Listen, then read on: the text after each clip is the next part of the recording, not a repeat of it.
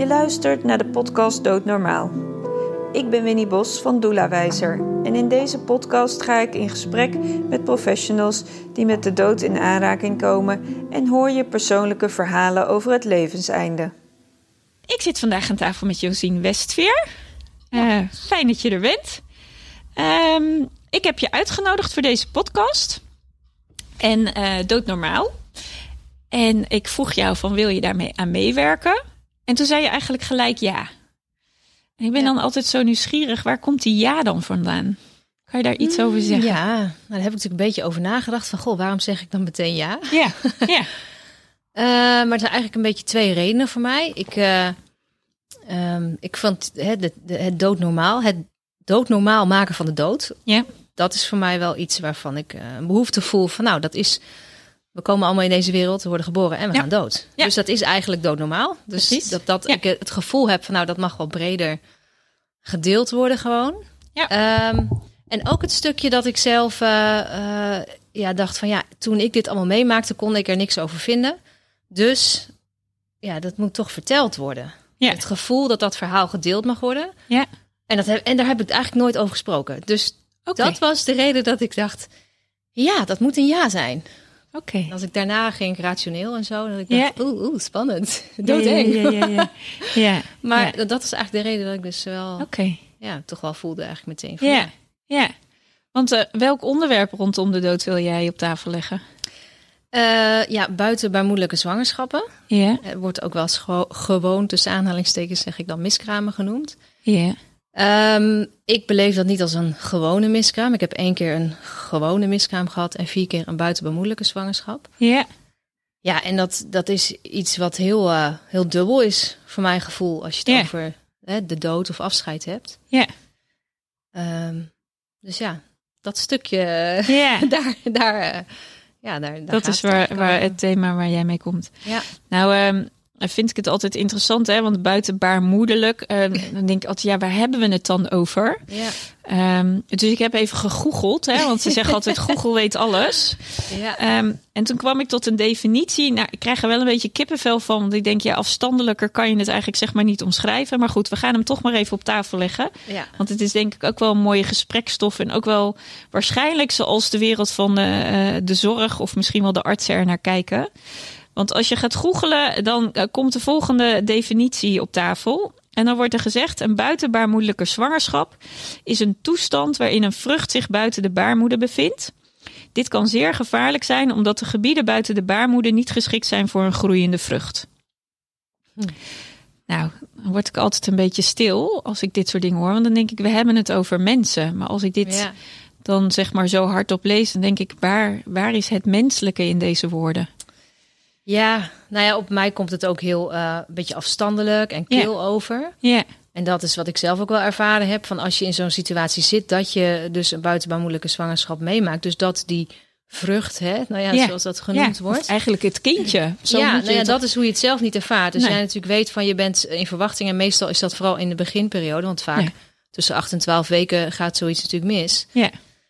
Ja, dan, dan ben je dus in die zin in blijde verwachting. Ja. En ehm, ja, dat voelt natuurlijk alles behalve afstandelijk. En, Ja, en, zeker. En vaak is dat ook nog wel een periode waarin natuurlijk de wereld om je heen dat niet weet. Nee, nee. Ehm, dus het is wel, eh, ja, dat, dat is heel beladen eigenlijk als het dan eh, misgaat. Ja, want hoe kom je er dan achter dat het buitenbaarmoedelijk is? Want voelt het, is, is, is het hele proces van dat je zwanger wordt, is dat hetzelfde gevoel als een gewone zwangerschap? Ja, dat, dat is dus heel verschillend. Er- zijn wel verschillende ervaringen, maar eigenlijk eh, wat je bijna bij iedereen wel hoort, en dat is afhankelijk van waar het vruchtje zich innestelt, want je krijgt natuurlijk gewoon een innesteling alleen. En 9 van de 10 keer gebeurt dat in een eileider. Dus onderweg, zeg maar, dat het zaadcel en de eicel elkaar gevonden hebben, die gaan dan eh, onderweg, in mijn geval, eh, in de eileider zich, Oké, eh, in plaats van in de baarmoeder Moeder, waar, ze, waar ze horen te nestelen. Ja, Ehm, en ja, wat je kan merken, wat anders is dan met een gewone zwangerschap, is toch wel dat je ehm, ja, pijnklachten of licht bloedverlies kan hebben. oké.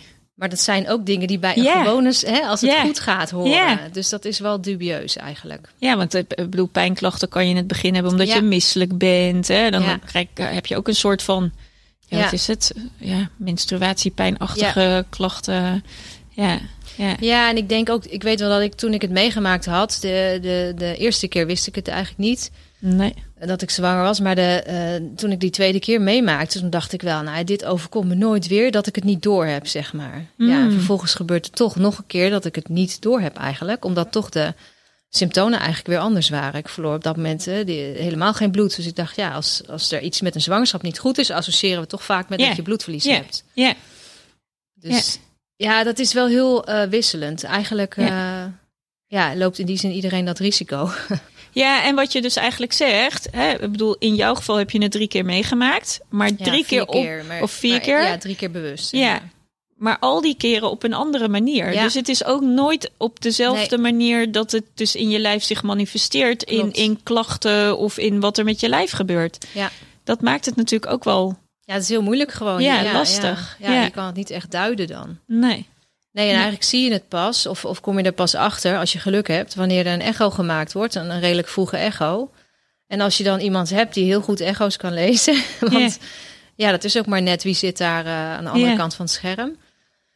En als het vruchtje op een bepaalde plek zit waar ze het ook goed op dat moment kunnen zien, want het is natuurlijk in het begin zo klein dat ze niet altijd, eh, ze kijken altijd ja, direct eigenlijk naar de baarmoeder. Goh, zit, je je hebt een positief test, eh, zit daar iets in de baarmoeder? Dat is eigenlijk waar direct op gekeken wordt. Ja. En als ze dan niks kunnen vinden, dan ehm, ja, is mijn ervaring dat ze in het begin nog wel zeggen: Nou, dat kan heel vroeg in de zwangerschap zijn, dat we het nog niet goed kunnen zien. Ja. En ze kijken naar de baarmoederwand. Hè. Gedraagt die zich wel zwanger? Ja, ja, ja, Is die echt verdikt? Ehm, maar ja, op het moment dat ze toch wel, je ziet, ze meten dan dat baarmoederslijmvlies, hè, waaraan ze eigenlijk kijken van hoe ver zou je dan zwanger zijn. Ja. En als zo'n baarmoeder zich, zeg maar, ze noemen dat dan helemaal zwanger gedraagt, maar ze zien nergens een vruchtje, ja, dan gaan ze verder kijken. Oké, dus dat is interessant, hè? Want de baarmoederwand gedraagt zich dus wel zwanger. Ja, die doet alles alsof dat vruchtje in de baarmoeder zit. Oh, Dus oké. want jouw hele hormoonhuishouding Ja. is, is eigenlijk aangezet op...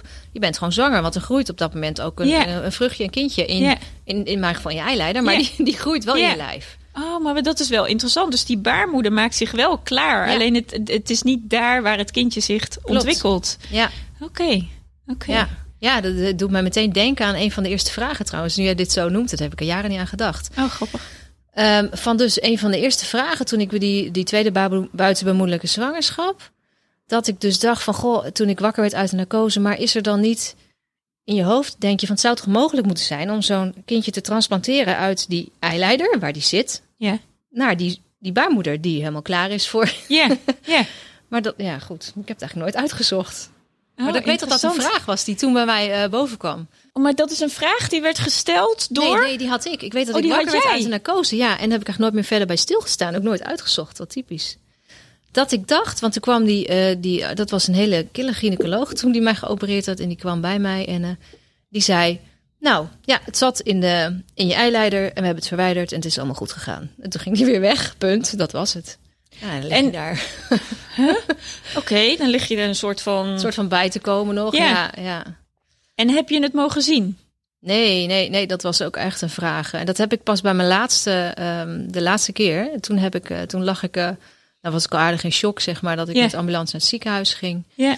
En daar aankwam en toen zei die, eh, was een vrouwelijke gynaecoloog en die zei, heb je nog vragen? Zeg maar vlak voor ik... ja, ja, ja. Ik zei, ja, ik wil dat je het bewaart. Weet ik nog dat ik zei, ik wil dat je niks weggooit. ja. En dat, Want en dat, wordt überhaupt niet gevraagd aan Nee. je of je dat, of, of je dat wil niet. zien. Of dat wordt niet wordt niet meegenomen. besproken. Nee, Nee, tenminste heb ik nooit ervaren dat het zo dat dat besproken is. Nee. nee. nee. Nee. Nee, je hebt eigenlijk alleen maar de echo's die gemaakt worden, waar iedereen dan heel moeilijk op aan het kijken is. En helemaal turend naar zo'n scherm, omdat ze aan het zoeken zijn. Naar waar zit dat vruchtje dan? Ja. Waar, eh, ja. Ja.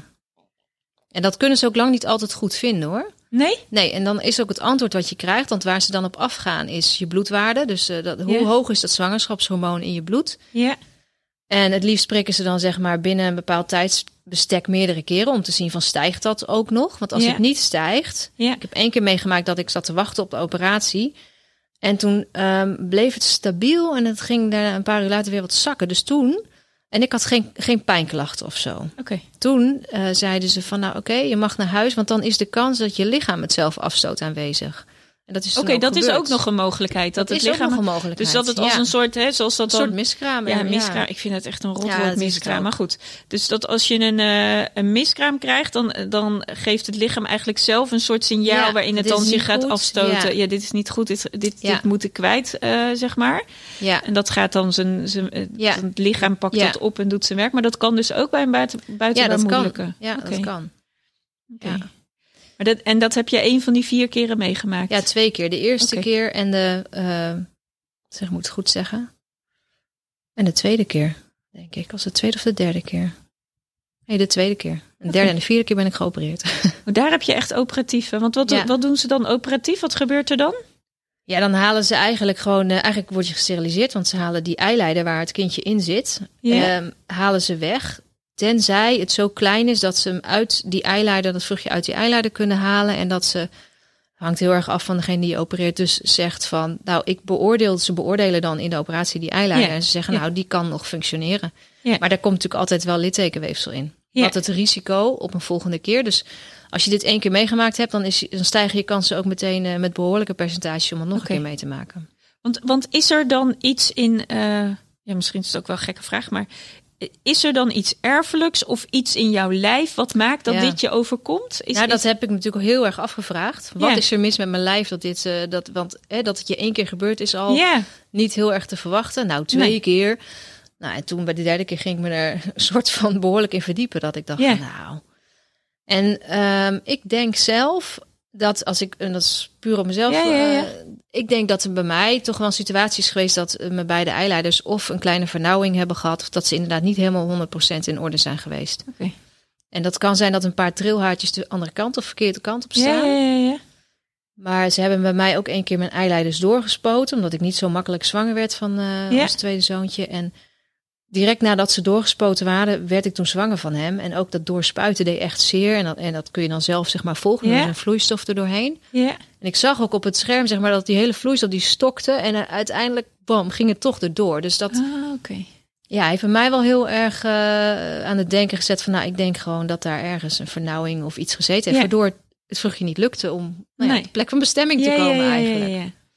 Want zeg je daarmee eigenlijk dat er weinig bekend is over dit onderwerp? Ja, ja, oorzaken is echt eh, een groot vraagteken eigenlijk. Oké, dat tast Ja. eigenlijk de, de medische wetenschap in het duister. van wat, niet. wat Of- maakt dat nooit, dit eh, gebeurt. Ja, er is gewoon weinig onderzoek naar gedaan. Ja. Want hoeveel vrouwen overkomt dit op jaarbasis? Heb je, weet je dat? Ik kon het Ehm, namelijk nergens vinden.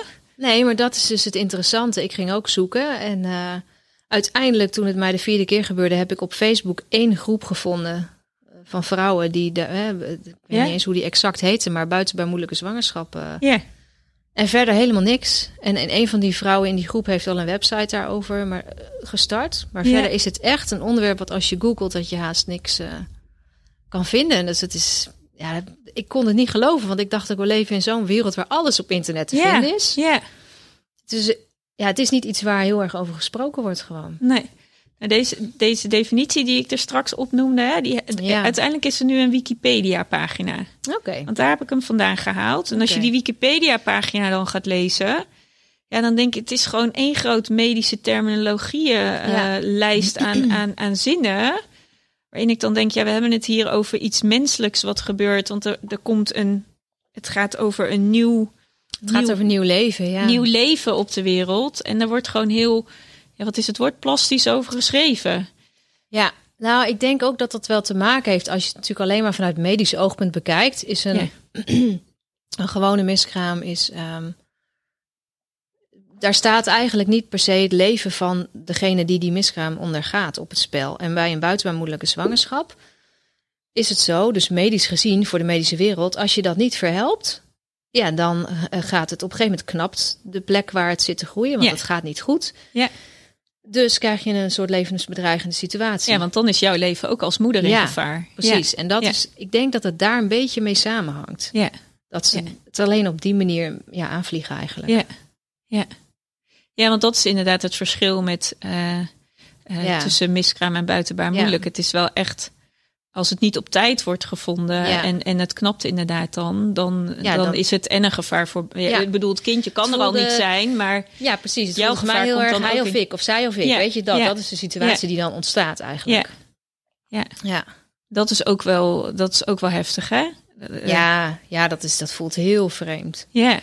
Ja, dat voelt heel erg raar. Tenminste, ik dacht altijd van ja, maar... Dus bij voorbaat had dit kindje geen kans. Zo, zo voelde het dan voor mij. Hè? Omdat het op, koos om op die plek te gaan eh, ontwikkelen als het ware. Maar tegelijkertijd, eh, ja, had het ook voor mij een einde kunnen betekenen. Dat, dat eh, is een hele gekke, ja, soort van, ja, achtbaan aan emoties. Weet ik niet of je het een achtbaan kan noemen. Maar wel een hele, ja, soort wipwap echt aan. Nou ja, het is misschien het besef dat, dat waarbij je denkt dat je een heugelijke periode tegemoet Ja. gaat, ineens merkt dat jouw leven ook aan een zijdendraadje kan Ja. hangen. Ja, dat, dat, is- daar sta je natuurlijk helemaal niet bij stil als je bezig bent met de wens omdat Nee. je zwanger wordt, om, omdat je graag ouders wil worden. nee, klopt. Dan, dan, dan, de- ja, tuurlijk hou je rekening met het feit dat het mis kan gaan. Hè? Want dat weten Ja. we allemaal dat er altijd een kans is. Maar toch, dat is niet hoe je hem insteekt. Je begint niet Nee. en denkt van nou, het zal waarschijnlijk wel misgaan. Nee, je, je, je probeert zwanger te worden omdat je Ja. denkt van nou, we gaan, we gaan gewoon een paar mooie kinderen op de wereld zetten. Ja, Ja, en dan onderweg kan het ineens heel anders lopen dan dat je het verwacht hebt. ja, ja, Ja. dat is niet, dat is, ja, het, het ehm, onvoorspelbare. Maar ook gewoon het geconfronteerd worden met die emoties van jezelf. Van, Oké, maar ik had er ook niet meer kunnen zijn. Dat heb Ja. ik vooral de laatste keer heel wel heel erg ervaren, omdat het zo kritiek was dat je denkt, ja, maar ja. En dan, ik- wij hadden toen al twee kinderen, Ja, die bij de laatste keer. Ja, dan ben je dus ook, kan je ook geen moeder meer zijn voor die twee die er al zijn. En Ja. eh, dat, dat beseffen eigenlijk van eh, Ja. dat je leven ineens afgelopen hè, Ja. heel op aarde had kunnen zijn. Dat, ja. Hey, en jij ondergaat dit lijfelijk, maar hoe is dat voor je partner? Ja, moeilijk. was wel echt heel moeilijk van, eh, van de zijlijn, zeg maar, maakt hij het mee. Want als vrouw voel je natuurlijk elke Mhm. pijntje. Maar als je Mhm. zoiets meerdere keer meemaakt, dan ben je er wel ja, wat eh, bewuster van. Ja, Ehm, maar hij kon eigenlijk niks doen. Nee. Dat, dat was wel wat hij aangaf, wat hij moeilijker vond. ja snap ik. Ja. Van, eh, hij, hij zag mij dan, hè, je, je ziet je partner de operatietafel of kamer ingaan Ja. en, en ervaart van ja, eh, de, de pijn eigenlijk die ik had, de, de fysieke pijn en daarbij natuurlijk het emotionele pijn Ja. die hij tegelijkertijd ook wel voelde. Ja. Ja, ja en de, de vindt de woorden er maar eens voor. Ik heb het eh, ja, heel veel eh, toch wel bij mezelf gehouden in het begin. Ja, en ik kan me ook voorstellen, je verwerkt natuurlijk zo'n verdriet ook ieder op je eigen manier. Dus daar heb Ja. je ook ieder je eigen proces in te doen. Waarin je dat verlies, wat je allebei op je. Ja, je bedoel, je maakt Ja. het wel samen mee. En toch heb je ieder je eigen emotionele wereld waarin verdriet anders werkt. Ja, En dan heb je ook nog het verschil is dat de ene is een man en de andere is een vrouw. Ja. Dat is ook nogal. Ja, ik bedoel, kunnen we Dat heel alleen al, ingewikkeld over doen, maar daar zitten toch verschillen eh, in over hoe we dat ieder voor zich verwerken. En dat klopt. kan het heel lastig maken.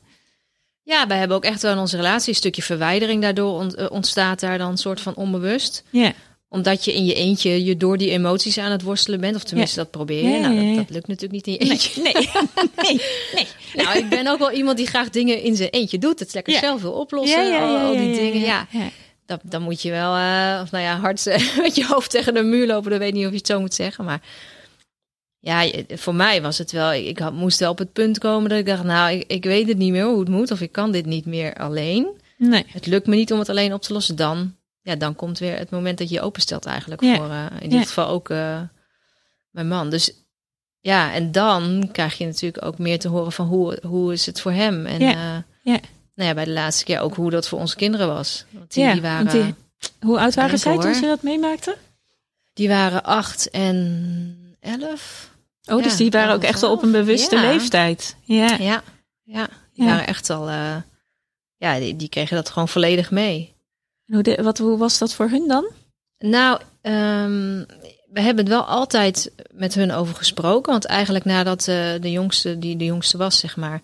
Toen die ongeveer negen maanden was, weet ik dat wij zeiden van... nou, we willen eigenlijk nog wel eh, een kindje... Of, eh, ons hart staat er open voor, ons huis is groot genoeg. We, we denken dat we nog een kindje plek kunnen bieden. Ja. Nee, die was negen maanden toen wij zeiden dat is welkom. En vervolgens was die negen toen, die, toen uiteindelijk nu ons jongste geboren werd. Dus er zit natuurlijk heel veel tijdsbestek tussen. Ja.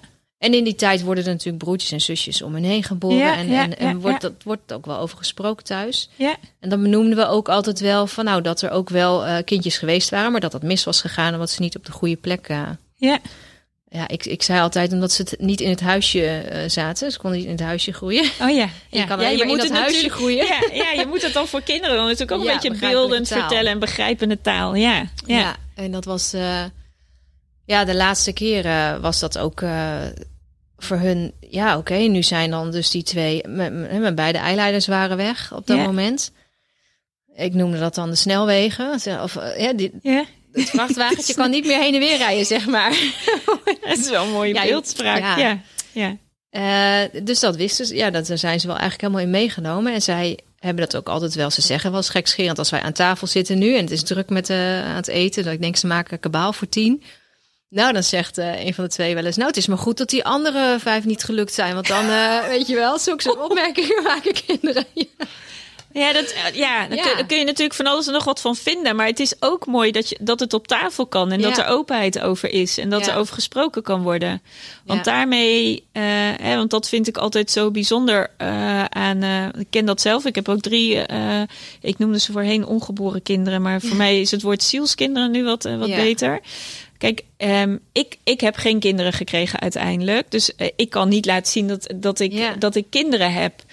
Ehm, maar als je kijkt naar, hè, jij bent natuurlijk meerdere keren zwanger geweest. En, Ja. en jouw, jouw derde kindje zal waarschijnlijk niet het derde kindje zijn. Ja, dat is het Ja. derde kindje voor de buitenwereld. Klopt, ja. Maar in volgorde, als je volgens de achtste. ja, in volgorde van de, hè, als je kijkt naar een familieopstelling, ja, dan zijn ook alle, eh, alle kinderen die er plek. niet zijn, Ja. die hebben een plek. Dus die tellen gewoon ook echt mee. ja, en dat heeft bij mij ook echt wel tijd gekost. Want dat heb, Ja. dat heb ik... In het begin heb ik het tussen aanleidingstekens verwerkt... door dus inderdaad te doen als... Ja, ach, het was nog niks. En ach, het kon daar toch niet groeien. ja, En dan, oké, boem, deur dicht, weet je. Dus het, dus Ja. het is niet gebeurd of zo. ja. En, en op een gegeven moment, ja, dan kan je daar eigenlijk niet meer omheen. Want het Nee. is natuurlijk wel degelijk gebeurd. Ja, ja zeker. Ja, Dus, eh, ja. Ja, inderdaad, dat is een heel mooi voorbeeld. Als je in een familieopstelling kijkt. En dat is bij jou ook zo. Ja, andere mensen in de buitenwereld kunnen dus niet jouw kinderen zien. Nee. Maar dat betekent Nee. niet dat je niet, Nee, hè? nee, Dat ze dus Nee. niet zijn geweest of nee, zo. precies. Ja. Ja. Ja, want dat is zo'n zo'n mooi concept, hè, hoe we dat dan hebben in de wereld. Je, je bent pas een moeder als het, als het zichtbaar is. Ja, als je kinderen gebaard hebt, Ja. hè, die, die rondlopen. Ja. Ja, en dan denk ik, nou, ik, wil je, ik kan je wel vertellen wat het is om een kind te baren als je een miskraam krijgt. Ik bedoel, dat is ook een baringsproces dat Zo, je, ja. waar je u tegen zegt. eh, ik weet niet hoe jij die hebt ervaren, de miskramen. Maar Ja, absoluut. Ik heb toen ik eh, uiteindelijk van mijn oudste, zeg maar, eh, beviel. Nou, toen zeiden verloskundigen ook van, goh, hoe kan dat bij een eerste kind zo snelle bevalling? En, maar zodra ik weeën van hem kreeg, dacht ik, oh, dit gevoel ken ik. Dit, dat, het Mm. gevoel dat je lijf het overneemt en dat je dus inderdaad aan het bevallen bent. Ja, dat was bij die eerste buitenmoedelijke zwangerschap. En ik, ik wist toen helemaal niet dat ik zwanger was. Ik was eh, al eh, nou ja, bijna twee maanden de, eh, liep ik dat ik af en toe eens vloeide. En de huisarts die zei van, nou, die dacht aan baarmoederhalskanker en eigenlijk allemaal heel bezorgd. oh, oeps, dat is wel even een ander scenario. ja, dus ik was doorgestuurd en ehm, in het ziekenhuis zei die gynaecoloog inderdaad ook eigenlijk, eerste standaardvraag is meestal, nou, kan je niet zwanger zijn? Nou, wij waren nog niet zo lang eh, bezig om zwanger te worden, dus daar had ik niet echt bij stilgestaan. Maar die stuurt je dan wel standaardprocedure door, gewoon bloed prikken. En die zag mij, die, die ging toen een echo inderdaad doen. En die zei, nou ja, ik zie daar wel ergens iets bij een, eh, bij een bepaalde eileider in de buurt. Maar nee, in je baarmoeder kan ik niks eh, vinden. En ehm, e- eigenlijk in het weekend volgend daarop, toen ehm, ja, kreeg ik die, die miskraam, zeg maar, of verloor ik het. Maar ik had geen idee op dat moment wat er gebeurde. Nee. Ik, eh, het was toch wel typisch. We zaten op een eh, begrafenis, zeg maar. En de begrafenis was net geweest. En ze zaten in die huiskamersetting dat je allemaal je, je broodje zit. Oh ja. Oh, ja. vreselijk. Ja, ja. En eh, ineens voelde ik me gewoon hondsberoerd worden, misselijk. Dus ik dacht, ik moet nu naar de wc. En ik ging daar eh, naar de wc en ik moest eerst helemaal overgeven spugen. En vervolgens ja, enorme krampen. En het enige wat ik eh, hè, daarvan, ik verloor een enorme bal bloed. En daarna ging ik me met het uur beter voelen dan die twee maanden ervoor. Dus ik dacht alleen maar, ja, ik heb geen idee wat er gebeurd is. Gevoel alsof je even van de wereld geweest bent bijna. Maar ik weet wel dat ik blij ben dat het weg is. Dat was mijn ervaring Ja, ja, op dat moment. Tot ik dus van eh, die zwangerschap daarna was onze oudste zoon beviel. Dat ik dacht, oh ja, dit is, dit is gewoon een soort baringsproces geweest. Maar dat heb ik, omdat ik het niet kende, wist ik niet Nee. wat ik meemaakte. Nee. nee. Ja. Ja, bijzonder hè. Dus dat je eh, wat jij omschrijft is dat je dus eh, niet weet dat je zwanger bent. Ja. Dat het eigenlijk ook niet aangetoond eh, was. Het Ja, aangetoond nou, of het niet? direct- dat de grap was dat wij ehm, na die, die begrafenis was op een zaterdag. En op maandag of dinsdag hadden wij een afspraak in het ziekenhuis weer voor, bij die gynaecoloog. En daar kwamen we binnen en die man die zei, nou, ik heb goed nieuws, je bent zwanger. En toen pas viel bij mij het kwartje. Toen dacht ik, oh. Dus ik zei ook toen meteen, oh, ik zei, ik denk nu niet meer. En toen dacht ik, nou, toen was kwam- dat was ja, het. Ja, ja, ja, ja. Dus ja, nee, dat, ik, het- ik wist het niet. Ik was Nee. ook echt. eh, ehm, ik heb een hormoonhuishouding die niet helemaal eh 100 loopt. Dus ik was vijf, zes keer per jaar ongesteld. Dus het feit dat ik eh, ja, niet snel zwanger zou worden, of dat als ik zwanger zou worden, dat ik het niet meteen misschien wist. Mhm, ja, mhm. dat was op zich niet gek. Maar Nee. Ja, nee, ik wist het toen niet. Dus Nee. dat, dat was ergens. Ik heb altijd gezegd, dat was een geluk. Want in die zin heb ik daar het minste verdriet van gehad, omdat ik het niet wist. Ja. Ja. Ik had me niet gehecht aan iets, weet je Nee, wel. nee, Dat, je eh, was niet bezig met een hechtingsproces, Nee. omdat je niet het bewustzijn had van Nee. er is een kindje in mij aan het groeien. Eh, Ja. Nee, en ik denk ook wel, eh, me vaak afgevraagd, sta je dan op dat moment zo ver van je lijf af dat je gewoon niet eens door hebt dat inderdaad dit aan de hand is? Weet ik niet, Hè? is dat zo? Nou, dat weet ik dus ook Nee. niet. Maar dat is wel een Nee. vraag dat ik denk van, goh, eh, die bij mij gespeeld heeft. Van ja, hoe... Want ook bij mijn andere twee oudste twee jongens, toen ik zeven, acht weken zwanger was, kwam ik pas achter dat ik zwanger was. Terwijl je, Hmm. je lichaam natuurlijk wel signalen geeft voor die tijd. Ja, maar ja, ieder lichaam reageert anders op een zwangerschap natuurlijk. En bij de Ja. een is dat heel heftig aanwezig, waardoor je er ongelooflijk ziek van wordt. En bij de ander is het Ja, alsof je nog steeds gewoon dus je niet. menstruatieperiodes Ja. hebt. eh, en alsof er niks aan de hand is. Eh, en, en alle varianten die daartussen zitten. Dus dat is, Het is heel persoonlijk, Ja. hoe je lijf reageert. Ja. ja. ja, en, en dan kan ik me voorstellen dat, ook al ben je er dan heel, heel bewust mee bezig, dat je wel graag kinderen zou willen. Dat soms vaak een test een bevestiging is van, oh ja, Ja. maar het is dus echt zo. Oh, maar eh, lijf? Oh, ja, maar ik Ja. voel eigenlijk niet zoveel. Ja, dat, Ja, dat klopt. dat kunnen echt twee soort van twee verschillende dingen zijn. eh. Ja, dat is waar. ja. Ja, want Ja. ik weet dat ook nog. Kijk, ik, eh, ik heb twee miskramen gehad. En bij mijn laatste miskraam, ik heb wel drie zielskinderen, maar twee miskramen. Het eerste kindje heb ik echt bewust zelf, zeg maar, Ja. weg laten halen. Maar bij mijn laatste miskraam, ehm, daarin besefte ik pas en kreeg ik pas het bewustzijn dat ik daarvoor ook een zwangerschap had gehad. Ja, dus is ook inderdaad. Ja. Ja, dat besef. En dat was echt zo bizar. En dat kwam ook echt gedurende die, die miskraam van de tweede kwam zo een flashback naar een, een, Ja, een paar jaar je daarvoor. herkent dat dan of zo. Ja, na een paar jaar daarvoor waren er gewoon ook echt klachten waren. En ik ben ervoor naar het ziekenhuis geweest en bij Ja. de huisarts. En er werd gewoon allemaal niks gevonden. En oh, maar ik ging echt door een hel. En pas toen ik die, die, die, die miskraam had. Nou, en dat was ook echt geen fijne miskraam. Want dat kindje wilde maar niet weg. Dus ik ben echt drie weken bezig geweest om dat kindje los te laten. Dat ik echt soms schreeuwend aan de telefoon bij de huisarts riep. Ik wil nu naar het ziekenhuis. En dat huis maar zei, het is een heel goed kind dat je het natuurlijk loslaat. En dan dacht ik Ah. echt, ja. je moest eens weten. Weet ja, je, dat Dit- is dit- zo'n pijnlijk proces. Ook fysiek, hè? Ja, precies. En dat ik echt, ik, ik, ik lag gewoon, ik ben echt niet een pieper met pijn, maar ik lag echt Ja. dubbel van de krampen. Dat ik echt dacht, ja, hoe dan? Ja. Weet je, hoe kan ik dit überhaupt dragen? Dit is toch gewoon niet te doen. Ja. Kan zo'n huisarts wel zeggen, ja, het is goed natuurlijk weg laten halen. Ja, maar je, natuurlijk. hebt dat nooit gevoeld, denk ik dan altijd. Nee, ja, eh, ga het zelf eens meemaken. Dan weet je dat dit echt geen fijn proces is. eh. Ja.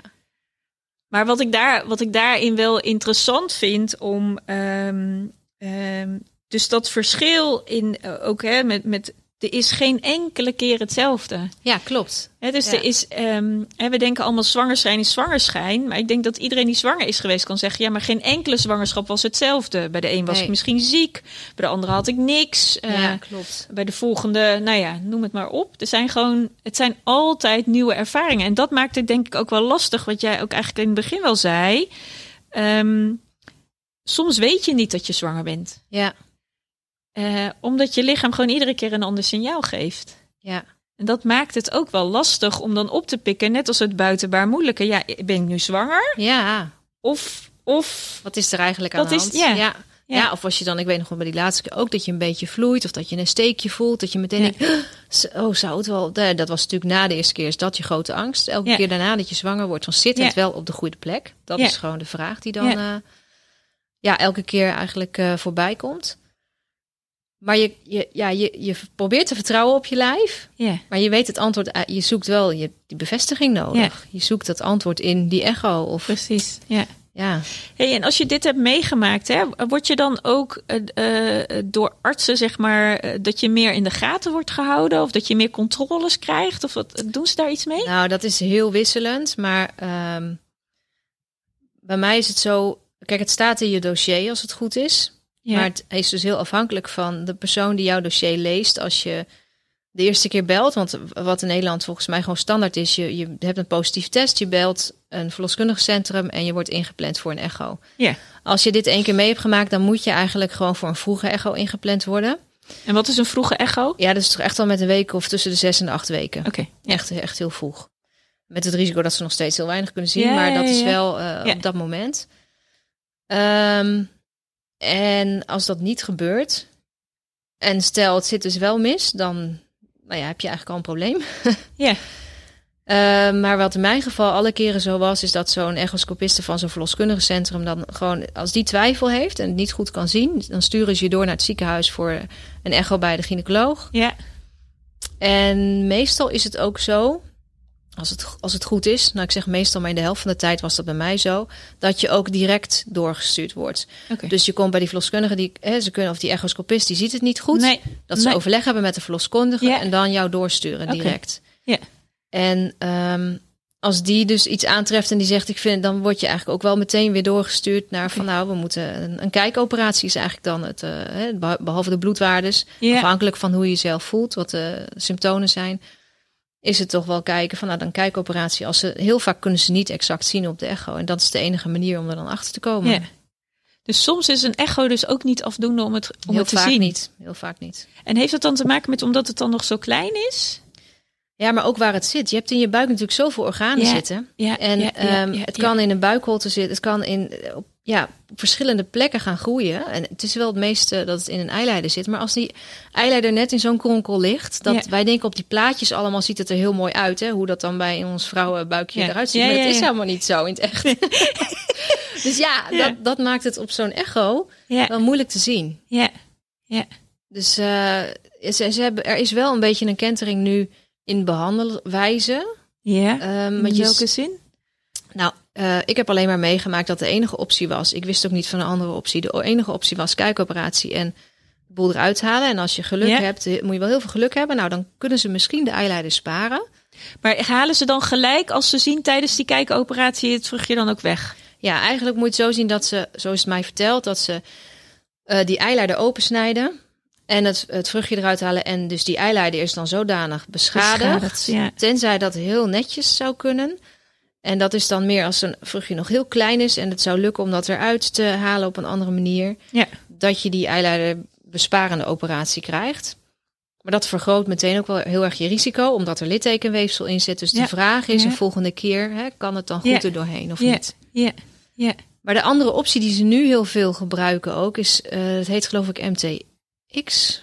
Het is in ieder geval een soort chemokuur die je krijgt. En ehm, dat zijn gewoon pillen die je moet slikken. Dan mag je ook een x aantal maanden, ik geloof meestal een half jaar daarna, niet zwanger raken. Ja, Het is gewoon een soort mini-chemokuur met de intentie om eh, dat vruchtje, dus alles wat... Een zwangerschap is natuurlijk snelle ja, ja, ja, ja. om dat af te breken. Klinkt een beetje als een soort morning after pill of zo. Ja, maar dan krijg je dus ehm, vaker van die MTX-spuiten. en afhankelijk van hoe jouw bloedwaardes, je, je hormonen Ja. dus in je bloed blijven stijgen of niet, krijg je meer of minder daarvan toegediend. Oké. Maar dat is ook wel heel. eh, ja, ze, ze blijven moeten controleren, dan is het echt weg of niet. En Ja. dat, is- dat lijkt me Ja. ook een. Ja, leidersweg. Ik, eh, ik heb in het begin gedacht, oh, had ik dat niet, want dan had ik nog mijn eileiders gehad. Ja. Weet je wel, die gedachte ja, ja, gehad. ja. Maar ik heb inmiddels zoveel ervaringen van vrouwen wel gelezen die wel met daarmee behandeld zijn en die misschien wel maanden aan het. Weet je, is het nou echt weg of niet? Met die vraag leven nou. Dat is ook een onzekerheid die je toch Ja. niet aan wil. Want als het dan Nee. verholpen wordt door een kijkoperatie waarin het dan weg wordt, dan weet je Ja. ook het is weg. Ja, Wat dan ook wel het gevolg is hè, van dat je misschien een eileider moet missen. Of misschien wel je beide eileiders als het je meerdere keren overkomt. Waarin je dan nog een, een, een, een, kinderwens hebt. Dat natuurlijk heel pijnlijk is. ja. Uh, maar dat onwetendheid waarin je dan maanden moet verkeren van ja, is, is het er nou of is het er nou Ja. niet? Nee, dat lijkt mij ook heel erg naar. En Ja, ook gewoon de gevolgen voor, die het voor je lijf hebben. Ja. En, en elke, eh, de bijverschijnselen zijn voor iedereen anders daarin, omdat het toch een soort chemo is. Ja, Dus ja, wat nou beter is, er zijn de geleerden gewoon nog niet over uit. nee. Nee. Nee, ik denk dat het in dit geval dan. Ik weet niet of je een keuze krijgt, maar in dit geval zou ik heel erg denken: wat, wat voelt voor jou goed om te doen? Nou, die vraag moet in mijn optiek veel vaker gesteld worden. Ja, Eh, daarbij wel de kanttekening dat heb je een keuze? In mijn geval had ik geen keuze. Als Nee. jij in het ziekenhuis Nee. komt en je bent al in shock en er zit al zoveel liter bloed in je buik, want Ja. dan ben je eigenlijk aan het doodbloeden van binnen. ja, ja, ja, dan, is er geen keuze. nee, is het gewoon eh, wat daar ook maar zit, dat moet weg. Ja. Wel, de- ja, ik, zou, ik ben een enorme eh pleitbezorger eigenlijk dat ik denk van, maar jongens, je moet niet... ehm, er moet nog iets tastbaars zijn. Dat Ja. heb ik heel erg gemist. Bij, Ja. Alleen bij de laatste ehm, keer heb ik dat gehad. Toen weet ik wel dat ze vroeg, ik zei, je mag niks weggooien. En toen zei ze, ja, maar dan, eh, kan, dan heb ik dus een emmertje met, met bloed, zeg maar. Voor, weet je, voor je. Is dat ja, wat je ja, ja. wil? En ik zei, nou, of wil je alleen de eyeliner, zei ze. En ik zei, ik wil in ieder geval, als je iets uit me haalt, wil ik het zien. ja Nou, maakt dus- niet uit wat het is. Precies. En Ja. ik kreeg een keurige eh, ziploc bag, zeg maar, waarin dan zo dat, dat Oh slangetje. Ja, Nou, dat was heel helend voor mij. Dat, dat is, ja, om het af te sluiten, heel goed geweest. Want wat, dat was wat, bij de laatste keer. wat gebeurt er dan in je met je als je dat ziet? Ik bedoel, wat, wat, wat, wat- ja, dat, dat was dus voor mij. Dat gevoel van, oké, en daar zat het in. En dat, oké, dat, dat was dus niet goed voor dat vruchtje. Mhm. Ja, wat gebeurde er in mij? Ja, een stuk verdriet. Want dat- een stukje afscheid wat je neemt letterlijk van iets wat uit jouw lijf komt. ja, hoe klein het eigenlijk ook is, hè, Ja. maakt eigenlijk niet uit, hè? Nee. Nee. Nee, en, en het stukje... ehm, ze nemen dat soort operaties op, is mij verteld. Ze nemen het op, in Ja. wat voor zin? Nou, als jij dus eh, geopereerd wordt, wordt dat gewoon op film opgenomen. Oh. En dat wordt ook, ik meen, acht weken bewaard. En jij komt, als het goed is, vier weken nadat zoiets gebeurd is, een keer op een nakontrole en nagesprek. Ja, en ik vind het heel belangrijk. Eigenlijk zou je dus iedereen de mogelijkheid moeten geven. Geef dan een USB-stick of weet ik veel. Ja, geef die mee. film mee of zo. Want je bent na Ja. vier weken daar misschien nog helemaal niet aan toe. Nee, Maar wanneer je daar drie maanden later vragen over hebt, is het filmpje gedelete. ja, Weet je wel? ja. In mijn geval was er iets misgegaan met het opnemen. Dus eh, helaas heb ik het niet kunnen zien. Maar daardoor wist ik dat het überhaupt bestond. En Dat wordt helemaal niet genoemd, dat het wordt op... Nee, nee, het was in het nagesprek dat, ik, eh, Ah. dat het te sprake kwam. Tenminste, bij mij is het niet genoemd. Misschien dat er andere ziekenhuizen zijn. Maar ik hoop dat er andere ziekenhuizen zijn die dat wel doen. Ja, Want ja, dat is dan toch iets ehm, tastbaars wat mensen... Ja, maar voor de is- verwerking het is toch ook wel bijzonder, hè? Dat er dus zoveel dingen gebeuren waar we geen weet van hebben, maar waar je mogelijkerwijs dus wel heel veel aan kunt hebben voor je verwerkingsproces. Ja, en daar wordt dus eigenlijk... De, ehm, eh, is geen, dat, dat, is, dat is niet belangrijk als het ware voor die... Maar omdat het niet benoemd. Kijk, als er, Ja. als je iets gebeurt, dan weten we allemaal volgens mij dat, dat er een verwerkingsproces gaat Ja. plaatsvinden. Dat hoort Ja. al bij alles wat ons overkomt, is er een verwerkingsproces. Ja. Het is gewoon een normaal menselijke reactie op wat er in, in je het gebeurt. hè? is, ja. Maakt ook Maar niet uit waar het rouw. over gaat. Ja, er is altijd rouw. Ja. Ja, op wat voor manier dan ook. Hè? Of je nou ziek bent en je hoort dat je kanker hebt. Ja. Eh, of in dit geval dat je een kindje verliest. Eh, en ik zeg altijd, je kunt dingen niet, appels niet met peren vergelijken. Hè? Want iedereen Nee, rouwt op zijn eigen manier. Maar wat ik daarin altijd wel belangrijk vind, is. ehm, en ik denk soms, ik vind het zo jammer dat er zo weinig aandacht voor is. Dat er dus eigenlijk heel veel ding, tastbare dingen zijn die Ja. meegegeven kunnen worden. Of die, die gedaan worden, die dan niet worden benoemd. En dan denk ik, oh, dat kan, daar kan de wereld toch zo'n beetje mooier van worden. Ik denk dat het besef daar niet is of zo. Ik denk dat, zo heb ik dat ervaren in, bij die medische, in de medische wereld. Die, die willen jouw fysieke probleem oplossen, want anders ben je Ja. dood. Weet je, zo, Ja, ja, zo ja, zwart-wit zeg maar wordt het gezien. En dat hebben we gedaan, dus je bent er nog, dus wees blij. Ja, maar het is toch eigenlijk, hè, je kunt er ook zo naar kijken. Het is toch prachtig dat ze dit doen, dat ze dat opnemen. Ja, Want dan denk ik, ja, geen idee waar ze het zelf voor gebruiken, maar dan denk ik, het is prachtig dat ze het doen. en, eh, ja. Ja, maar het is prachtig dat ze het doen. En dan denk ik, waarom geven ze dat mooie stukje pracht van wat eigenlijk heel veel waarde heeft? Waarom geven Ja. ze dat dan gewoon niet? De- daar is toch niks. Ja, of hè, zo'n echo. Er zijn genoeg eh, vrouwen die eh, een echo zien, waarbij zo'n kloppend hartje in die eyeliner, hè, dus dat, dat levende, dat, dat zit daar te Ja. leven. Ja, al is het een filmpje van 30 seconden, dat Ja. kan wel voor iemand ja, heel veel betekenen op het moment dat het er niet meer is. Ja, ja, Dat, ge- dat geeft een stukje erkenning, denk ik altijd, aan het leven wat er geweest is. Hè? ja. Ook al was het nog zo pril, of ook al was het nog in hele beperkte kringen, misschien alleen jij en je partner die het weten. Maar ja, ik denk dat daar heel een hele wereld te winnen valt. Ja. En ook in de na, eh, trouwens, de, de naweeën wou ik zeggen. Ja. Het stukje van hoe ga je daarmee om? Ik, eh, ik was geopereerd en dan lig je bij te komen op een kraamafdeling. Weet je, je hoort baby's die liggen te huilen. En oh, wat wil je? Hoe confronterender kan Wat- het zijn? Ja. Ik weet nog dat ze 's ochtends bij mij kwamen. Wat, eh, nou, wat wil je voor ontbijt? En dat ik zei, eh, nou, doe maar beschuit met muisjes. Ja, ik was natuurlijk gewoon een beetje van padje af. Maar ja, Ja. Ja. dat je denkt, nou ja, ja, daar lig ik dan met al die, inderdaad, die baby's die geboren worden en wat je om je heen hoort. Maar dat is dus ook zoiets dat je eigenlijk, als daar een klein stukje aandacht voor is, van waarom ligt iemand op die verlosafdeling? Ja. Ja, Ja, of eigenlijk bijna moet je daar wel liggen als Ja, dit dat- je overkomt. ja. Misschien Ja, nou zou je die vraag ook kunnen stellen van is dat de Is dat plek de juiste plek? Ja. waar iemand dan eh, mag bijkomen? Ja, ja, waarschijnlijk niet. Nee, ik denk het niet. nee. Nee, want het Nee. is wel echt ongelooflijk confronterend. Ja. En dan moet je, je weet dat je iets verloren hebt en dan word je geconfronteerd en op hetzelfde moment met dat wat er eigenlijk niet meer is. Ja, ja, daar word je de hele tijd aan herinnerd dan eigenlijk. Ja. Wat een proces eigenlijk, eh, als je het zo even eh, Ja, woorden geeft. ja, ja, het is ook iets wat pas ehm, op zijn plek valt, voor mijn gevoel, zeg maar in de periode daarna. Omdat je het inderdaad, wat je zegt, woorden moet geven en woorden moet vinden die bij het gevoel passen. En al die dingen die je ervaart. Dat gaat als een soort film of zo, maak je dat mee. En, maar dan is het allemaal al gebeurd. Ja, ja, Dus dat komt achteraf. ja. En hoe, hoe is dat proces voor jou verlopen? Hoe- heb je, eh, hoe, eh, kun je zeggen voor, dat jij het verwerkt hebt of hoe je dat hebt gedaan? Eh, ja, ik denk het wel. Anders zou ik hier nu, had ik geen ja op jouw vraag gezegd. Nee? ja? Had ik dat niet gedurfd. Nee. Ehm, ja, ik heb het toch wel heel erg. eh, de modus van een, een, mijn overlevingsstrategie was: oké, dit is gebeurd, ik ben er nog en door. Zo ben ik er in eerste Ja. instantie mee omgegaan.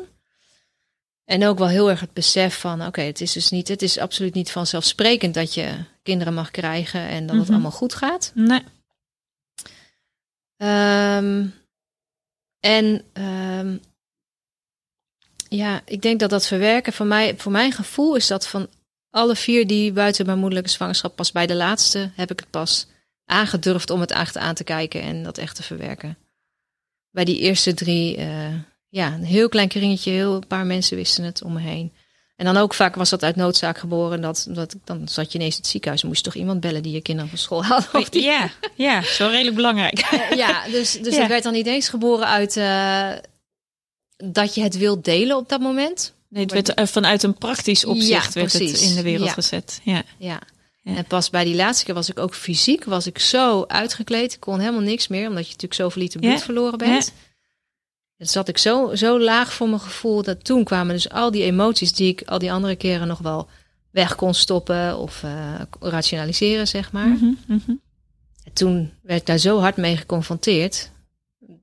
Dat op dat moment, eigenlijk in dat proces, die, die drie maanden daarna, ja. Ja, ben ik daar wel heel, eh, ja. ja. heb ik dat wel verwerkt, zeg maar, op die manier van plek kunnen geven. Ja.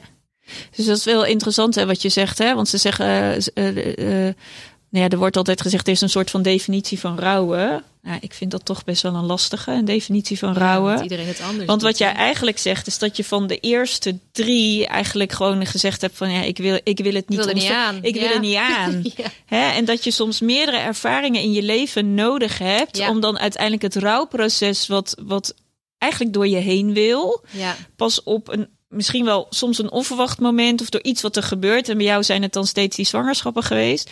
Toch ineens gewoon. eh, ja dan moet, het dan moet je komt toch het gewoon, eh, dan gaat het ook volledig door je heen. En dan kun je ook niet meer anders Nee, dan dat, je dat was inderdaad de situatie. Ik kon niet meer hoe hard ik ook wilde of anders Nee. wilde, dat ging gewoon niet. En voor mij Nee. betekende dat wel dat ik fysiek in die zin ook gewoon echt uitgeschakeld was. Want Ja. ik ben heel erg een doener Ja. en dan kun je niet meer doen. Nee. Ja, wat blijft er dan over als je daar in je bedje ligt of Ja, eh, je voelt je gewoon helemaal drie keer niks? Dan, dat was nodig voor mij om echt letterlijk dus om erbij stil te staan. Ja. Ja, om die, Ja. die tijd ook te gunnen. Ja, ja. En nou zei je net al van hè, het besef van. ehm, ehm, het is niet een vanzelfsprekendheid dat je zwanger eh, wordt. Ja. Dan heb je wel drie prachtige jongens uiteindelijk gekregen. Ja, Wonder boven wonder. ja. Ja. dat, het, het kan je dus heel slecht gaan in de zwangerschappen, maar het, het kan je ook. als ik zwanger was en het zat op de goede plek, had ik meestal hele goede zwangerschap. Oh, Alle echt? drie heb ik, ja, alleen die laatste was iets eh, gecompliceerder, omdat ik wat vroegtijdig weeën kreeg. Ja, Maar bij die oudste twee, ja, nee, eh, fantastische zwangerschappen, hele goede bevallingen. Dus in die zin is dat de ja, andere hoe, tegen, kant ja, hoe tegenstrijdig Ja. is dat dan? Hè? Dat, dat je lijf dus zo in, Ja, gek in, hè? ja, in het verweer kan van nee, het kan niet. Ja, En dan toch eh, dat je wel zwangerschappen hebt waarin het gewoon Ja. op een goede manier heel erg goed verloopt. En dat je denkt van ja, Ja. hoe dan? Hoe kan dan die andere keren? Ja, toch, Ja. Het, het is toch een wonderlijk... Eigenlijk hebben we toch een dat- wonderlijk lijf? Ja, maar dat vind ik sowieso als vrouw. En dat vond ik in het hele proces van al die dingen ook. Ik bedoel, de meeste vrouwen elke maand een menstruatie. Dus je lijf is gewoon gemaakt om nieuw leven te scheppen. Ja, daar zijn we voor op de wereld gezet. Ja. Of we nou willen of niet. Ja, daar word je elke keer weer mee geconfronteerd. Ja, ja, ja. En ook als het dus niet lukt. Of als het ja. misgaat. Ehm, ja, en, en als het dus misgaat, dan is wel... Dat is wel denk ik wat ik het moeilijkste vond. Het stukje van hoe deel je dat dan? Ja. Om je heen. Want hè, delen is helen. Het is wel nodig om het te delen Ja. voor je eigen proces. Zeker. Maar als je hier middenin zit, het is zo'n kwetsbaar stuk. Ja. En op het moment dat ik het, ik weet nog wel, ik heb, eh, ik heb een eigen kinderdagverblijf. En Ja. dat, dat ik in dat toen ik zo, eh, nou ja, diep eh, erin zat, zeg maar, met die Ja. laatste, dat ik een, een nieuwsbrief naar mijn klanten, zeg maar, al die ouders stuurde. En die wil niet weten hoeveel, en het is echt een klein kinderdagverblijf, maar hoeveel reacties ik kreeg van ouders die nou ja, soortgelijke eh, emoties ervaren hadden. In de zin van ja, we zijn ook al zoveel jaar bezig. Of ja, we zijn ook een heel traject door geweest voordat we eh, Ja. dit kindje hadden. Ja. Ja, en toen dacht ik, oh nee, alsof je jezelf zeg maar een klap op je voorhoofd wil geven. Dat je ja denkt, potverdikke. Maar ja, als je het dus niet deelt, weet je het Nee, niet. Ook nee, dat, die pijn van die ander niet. Klopt. Ja, en kijk, als je even kijkt naar hè, het, het, het miskramen-stuk, dan weten we dat er 20.000 vrouwen op jaarbasis zijn die dat sowieso overkomt. En ik weet nog toen ik, ehm, het vond ik echt zo confronterend dat op een gegeven moment, ehm, ik, ik was in zo'n leeftijd dat dan een soort standaard vraag was als je dan een Oh, nieuw ja. iemand ontmoet, weet je wel, dan krijg je zo'n standaard riedeltje Ja. dat je echt denkt, hoe dan? En dat je dan moet, hé, hey, leuk, wie ben je? Nou, dan doe je zo'n lalala praatje. Zeg, oh, en eh, hoe is thuis? Eh, Wat is je thuissituatie? Dat ik echt dacht, ja, en ik zeg, nou, ik heb een partner en zo. Oh, kinderen. Dat Ja. was dan een soort Ja, die volgende vraag. Hè? Die, die horen er dan een soort van bij. Alsof dat voor Ja. iedereen de- niet meer dan normaal. is. Ja, dat dat niet meer normaal is dat je kinderen hebt. En dan zei ik op een gegeven moment, klopte het voor mij niet meer om te zeggen nee, geen. Dus dan zei ik ja, drie. En dan hield ik het nog een beetje oppervlakkig. In het midden. Ja, in het midden. En dan vaak, dan, was de vervolgvraag, oh, in welke leeftijden? En dan dacht ik, Oh, eh, nee, ja. en dan zei ik, eh, nou, eh, nul. En dan werd het heel erg stil aan de andere Ja. kant. Want dan keken ze me echt met een soort vraagteken boven hun hoofd. Maar Ja. aan zo van, eh, nul, eh, hoezo nul? En zei ik, nou ja, ik ben, eh, dan legde ik vaak uit van, ja, ik, ik noemde ze of drie ongeboren kinderen. Of ik zei, ik ben drie keer zwanger geweest. Of nou Ja. ik gaf daar woorden aan. En waar ik in het begin, toen ik dat ging doen, eh, zelf heel ongemakkelijk van werd, was de stilte die er dan aan de andere kant Ja, ontstond. die ander weet niet hoe die moet reageren. En dan zat ik ja. zo te kijken en zo. En dacht ik, oh god, welke put heb ik nu weer opengetrokken? En dan ging ik dat heel erg bij mezelf zoeken. Maar wat er steeds gebeurde, was echt iets heel bijzonders. Want dan eh, was het even stil. En dan op een gegeven moment zag je iemand echt weer een beetje zo van eh, bij zichzelf bij komen. zichzelf komen. En dan, dan hoorde ik dingen van, oh, ehm, maar dan heb ik eigenlijk ook vijf kinderen. Ja. En dan zei ik, ah, vijf, hoezo? Ja, nou ja, ik heb eh, drie kinderen die wel gewoon hier zijn, maar ik ben eigenlijk vijf keer zwanger geweest. Ja. Of, eh, oh, maar dan ben ik eigenlijk ook moeder. Want ja, eh, ik heb net als jij, ja, ik kan Ja. ook geen kinderen zien, laten zien. Ja. Weet je zo. En ik was toenertijd heel erg verrast door die reacties. Omdat ik ook soort van, ja, dacht ik dat ik alleen was? Nee, waarschijnlijk niet. Maar er was wel zo'n soort Ja, je hoort het niet, hè? Nee, er werd Nee. ook in mijn omgeving helemaal niet over gepraat. Terwijl ik in die tijd in de uitvaartverzorging werkte. Dus nou ja, weet je. Heb je genoeg met afscheid dat je echt denkt van nou, hoeveel afscheid kun je Ja. hebben en hoeveel kun je over het onderwerp praten. En daar werd dan toch niet over gesproken. En ik ben toen zelf op onderzoek uitgegaan. En wat ik heel erg tegenkwam, en toevallig ehm, ervaarde ik dat weer kort geleden, omdat mijn voormalige partner mij eh, eh, persoonlijk de boodschap kon brengen dat, eh, dat hij vader ging worden. Vond ik heel bijzonder dat hij mij dat persoonlijk kwam vertellen.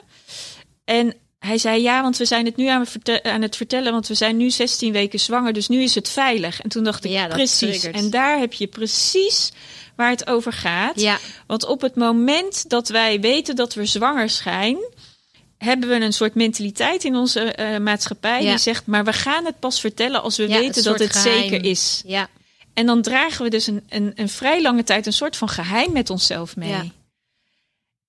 En dan denk ik, oeh. ja. En als je dat geheim verliest, is het dus heel moeilijk om over te praten. Want Precies, je hebt het niet omdat gedeeld. nie- nee, omdat niemand weet dat het je is En eh, sterker nog, daar is ook een hele, daar hangt een hele mening omheen van heel veel mensen die het misschien niet meegemaakt hebben, die zeggen: ja, maar het was toch nog niks. Of hè, wat ik ook in het begin deed. Ja. Ach, het zat toch niet op de goede plek. Het had helemaal niet kunnen. Het is maar Ja. beter dat het weg is. Dat Ja. soort eh gedachtes en meningen hangen daaromheen, wat het ook moeilijker maakt om te delen. Nou ja, en wat dacht je van de mening? Je hebt er toch al één? Ja, Of je hebt er toch Ja. al twee? Of eh, hoe we dat dan ook ja, benoemen? absoluut. Ja, ik heb denk dat ik, heel ja, maar als er, als er een verlangen is Ja, van dat, nog hè? meer kinderen, Ja, dan kan je er misschien wel twee hebben. Maar als jij voelt dat er nog een derde Ja. bij jou wil komen, Ik heb dat ook heel erg ervaren toen wij, eh, toen ik, ik had een kind, de oudste, en ik dacht, nou, ik heb er een, en ik voelde me heel egoïstisch dat ik dat verlangen had naar nog een, en ik, ik dacht echt, en ik had zelf ook, hè, was ik diegene die dat beoordeelde, eh, eh, veroordeelde bij mensen. Toen ik er eentje had, dat ik dacht, nou, als iemand er één had en die wilde zeggen, hoezo, je hebt er toch één? Wees blij dat je er eentje hebt. ja, ja, Pas toen ik zelf aan de lijve dat verlangen naar die tweede had, kon ik dat begrijpen. Ik kon eigenlijk niet begrijpen dat ik weer zo'n verlangen had. Want je hebt het al een keer. Het verlangen is al een keer vervuld, weet je wel? En ik kreeg ook de reactie in mijn omgeving wel toen ik, eh, dus dat mensen dan hoorden dat je voor de vierde keer dat, met, nou, nou, dan, nou, dan moeten ze het wel heel graag willen, hè? Als je dat allemaal, want je zet je. Ja. ja, ik dacht, ja, maar zo is het niet, jongens. Zo, er, dat, het is niet dat ik het heel graag wil, maar het is dat ik zo sterk eh, dat gevoel heb. Nog voordat wij kinderen hadden, heb ik zo sterk dat ik noem dat eh, persoonlijke openbaring. Ik geloof dat er echt wel zelf in je eigen leven dat je gewoon leiding kan krijgen. En wat voor, hè, en jou, op jouw levenspad belangrijk is. Heb ik zo sterk dat ervaren van nou dat, dat er dus drie kindjes voor ons. Ja, en als dat dan dus niet gebeurt, dan is dat.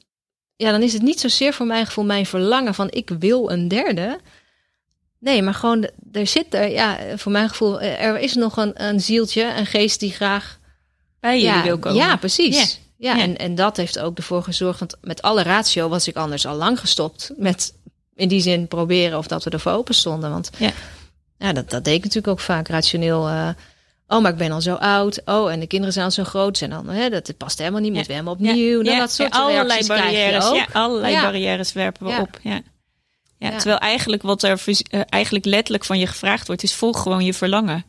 Ja, wat Want datgene waarvan je weet dat het goed Ja. is of dat de bedoeling is. Alleen, ik vond dat wel heel moeilijk toen ik dus mijn beide eileiders kwijt was. Want toen dacht Ja. ik, ja, als het dan de bedoeling is, Ja, Ja, hoe dan? Ik ben Ja. toch nu gesteriliseerd? Is toch klaar? Ja. dan, ik, ja, dacht ik, ja, is het dan de bedoeling dat we een kindje adopteren? Wat is dan? Ja. Hoe zit dit dan? Ja. ja. Ja, En hoe is dan toch jouw derde gekomen? Want Ja. ja. die derde, die is er die gekomen. is er nu, die is ook alweer Ja. jaar. Ja. Eh, ja, die is er dus gekomen omdat ik toen, eh, toen ik eh, van die vi- vierde zwangerschap verlost was. Toen eh, zei die gynaecoloog van, nou, ik heb jouw baarmoeder en eierstokken bekeken en die zagen er goed uit. Dus er is gewoon nog kans om zwanger te worden. En ik dacht, hè, wat zegt ze nou? Hoezo je eierstok, want die was je toch al De kwijt? eierleiders, die ben je Oh, kwijt. Dus de oh, weggetjes. maar niet, oh ja, maar, niet de eierstokken. Ja. wat de- waar de eitjes geproduceerd worden ja. en die hem eigenlijk vrijlaten. Ehm, dus ze zegt, ja, dat zag er goed uit. Dus in theorie kan je nog gewoon zwanger worden. Middels IVF. Nou, dat was voor mij ook een soort, eh, nou, een deur in mijn gezicht. Dat ik dacht, nou, IVF, ja, maar dat is niet de bedoeling. In de zin van, als iets dan de bedoeling is in je leven, Ja. nou, dan moet het ook wel gewoon gebeuren. Zo stak ik daar een beetje Ja. in. Ja. Ehm, ja, en toen hebben we toch heel sterk het gevoel gehad van... oké, ga dat gesprek in ieder geval aan bij zo'n fertiliteitscentrum. De verhalen die ik van IVF kende waren absoluut niet eh, rooskleurig... en Nee. dat dingen snel lukken. En, eh, Nee. En toen hebben wij zelf eigenlijk de keuze gemaakt van... oké, we gaan, ehm, we gaan zo'n traject een keertje aan... Ehm, maar geven onszelf bij voorbaat toestemming om er op elk moment uit te stappen als het niet meer goed ja, voelt. Ja. En Ja, en dat was gewoon heel wonderlijk, want eh, ja, meteen de eerste, ondanks dat mijn hormoonhuishouding inderdaad wel behoorlijk eh, niet helemaal 100% op orde bleek, wat ook ongetwijfeld meegespeeld heeft, Ja, dat zeiden ze toen ook wel. Eh, ja, ging dat eigenlijk heel goed. Het is eh, de allereerste poging IVF en daar ben ik meteen zwanger van geworden. En dat was ons, eh, Ja. ja. ons laatste kindje. Dus eh, Bijzonder. ja, Ja. ja, ja, ja, dat had ik nooit van tevoren kunnen bedenken. Nee. Dat het op die manier Nee. zou gaan. En ehm, ja, dat heeft voor, voor ons ook wel in die zin ehm, ons aan het, het echt het doen beseffen van je denkt altijd in je leven van heel veel dingen die je in de hand hebt en die je zelf kan bepalen, maar dat is gewoon niet zo. Nee. Want dit soort dingen, ja, ik had dat nooit zo kunnen bedenken. Nee. En ik geloof wel dat je alles op deze aarde moet doen wat je zelf kan doen. Hè? Als je Mhm, iets, mhm, iets mhm. wil bereiken in je leven, dat je gewoon alles Ja, wat in je macht ligt. Ja, zeker. Dan geloof ik ook dat er een God is die je daarbij kan helpen en ondersteunen. Maar je, Ja. je moet wel hè, zelf ook actie Je ondernemen. moet wel, er is wel werk aan de winkel. Ja, het gaat niet allemaal vanzelf. Nee, je moet en- er wel in actie komen. Ja, en, en IVF was voor ons wel echt een drempel waar ik zelf overheen moest. Want Ja. ik had gezegd van, hé, dat is wel de grens. Dat gaan we dus even niet doen. Weet Nee. je wel? Nee. Dus Nee. ja. Ja. Ja. Hey, als je nou zo terugkijkt hè, naar jouw leven, waarin je acht keer zwanger bent geweest, waarin je Ja. drie, drie prachtige kinderen hebt gekregen, waarin het vijf keer mis is gegaan, Mhm. Eh, waarin je, eh, terwijl ik dat eigenlijk zeg, denk ik, wow, best intens, want je hebt heel veel zieltjes op de wereld gezet, waarvan er vijf nog ergens zo Ja, Met ik denk jullie altijd wel, eh, ja, ze zullen vast een ander doel hebben, zeg maar, voor nu in hun... Maar zijn, zijn zij, heb je het gevoel dat ze bij je zijn? Of wat, wat, wat, wat hebben die vijf? Ja, toch wel, ik noem ze toch maar gewoon kinderen. Want ja, ja. ja dat, dat heeft dus bij mij wel even geduurd voor ik het op Ja. die manier kon, eh, kon plaatsen.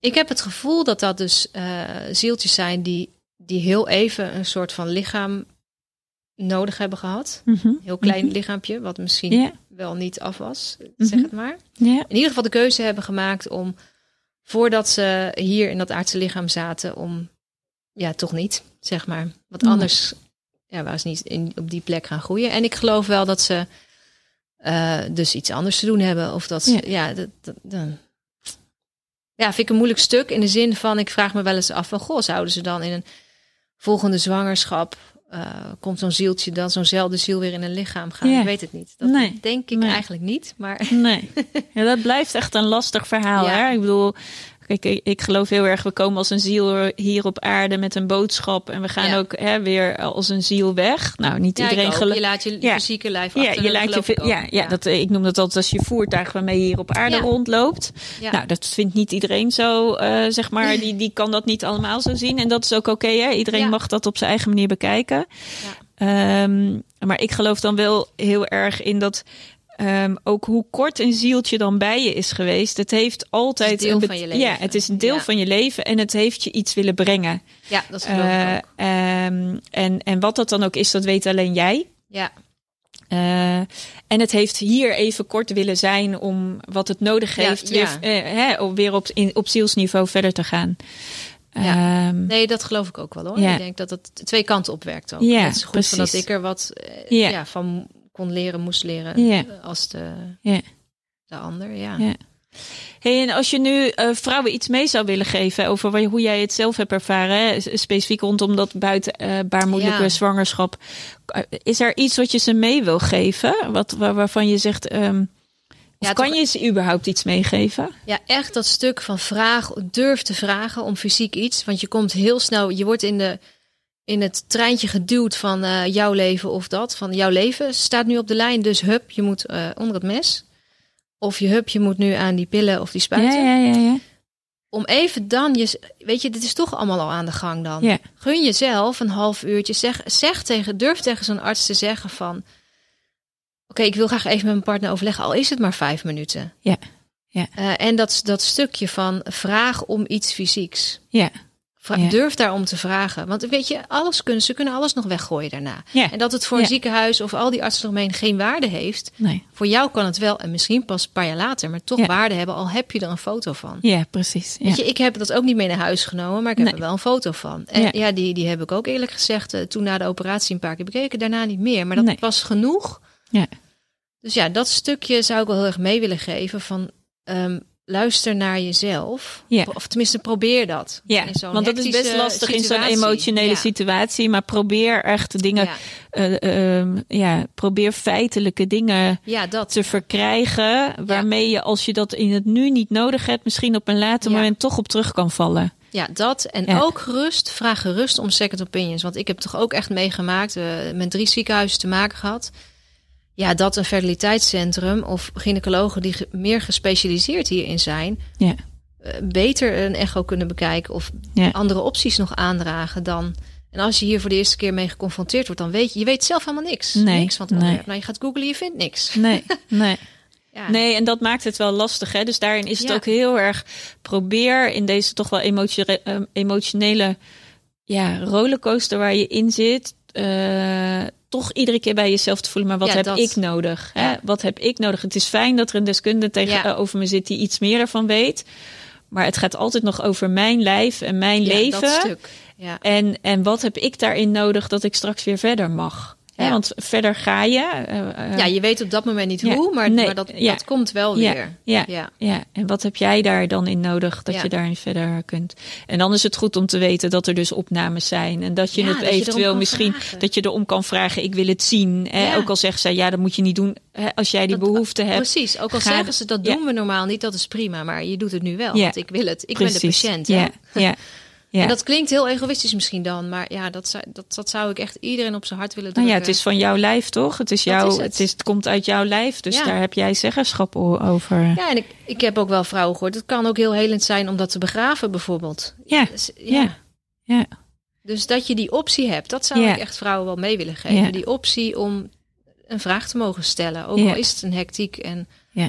ja, Vraagt die rust in dat hele proces eigenlijk. Ja. Ook al is het wat jij zegt, Ja. vijf minuten, maar ja. Laat je niet op de, op de TGV-modus meesleuren door... Nee, eh, dat je wakker wordt en denkt, wat is er nou eigenlijk allemaal gebeurd? Ja, ja, Ja. dat lijkt me, een mooie, lijkt me een mooie conclusie van dit eh, hele verhaal. Eh, zet jezelf centraal en eh, maak, maak kenbaar wat je nodig hebt. Ik denk dat dat... eh, En neem de tijd. en neem de, tijd. Ja, ja, dat lijkt me een mooie. Je hebt geluisterd naar de podcast Doodnormaal. Mijn missie is om het levenseinde doodnormaal te maken. Elke vrijdag staat een nieuwe podcast voor je klaar. Volgende week praat ik met Corrie Rijk over haar werk als scanarts.